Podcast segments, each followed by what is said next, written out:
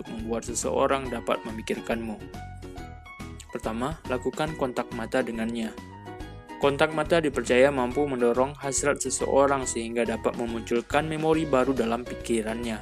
Strategi ini dipercaya sangat ampuh, tapi ingat, jangan sampai tetapanmu membuatnya ketakutan. Cukup berikan tatapan hangat dan tersenyumlah. Setelah itu, segera alihkan pandanganmu dan tatap matanya kembali beberapa detik setelahnya. Lakukan ini ketika kalian sedang berbicara, dampaknya akan sangat signifikan bagi kelanjutan hubunganmu dengannya. Yang kedua, sebutkan namanya. Jangan menyebutkannya di setiap awal kalimat, itu aneh. Cukup sebutkan namanya sesekali di dalam percakapan. Hal ini akan meraih perhatiannya, meningkatkan kesan intim dan mengingatkannya pada setiap obrolan dengan dirimu. Kamu juga bisa memberikan panggilan atau nama julukan yang hanya berlaku di antara kamu berdua. Niscaya ketertarikan di antara kalian akan menguat. Ketiga, kenakan parfum yang beraroma lembut dan khas.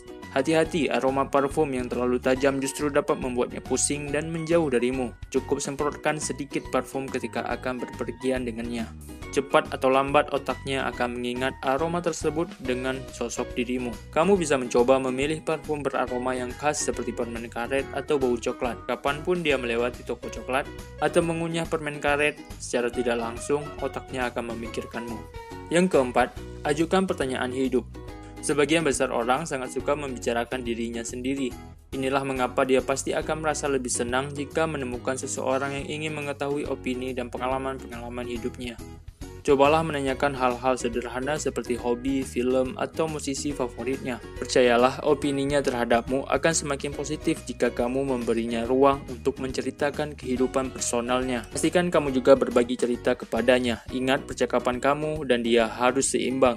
Dengan kata lain, pastikan kamu juga berbagi cerita dan pendapat mengenai hal-hal yang sedang dibicarakan. Jangan khawatir, kamu tidak harus selalu sepakat dengannya. Yang kelima, jadilah sosok yang misterius.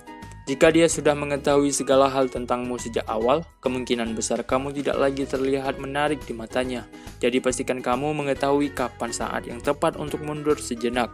Jangan terus-menerus menghubunginya.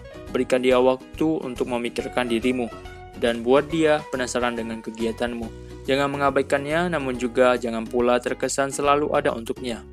Nah itulah tadi beberapa cara sederhana agar seseorang bisa terus-terusan mengingatmu.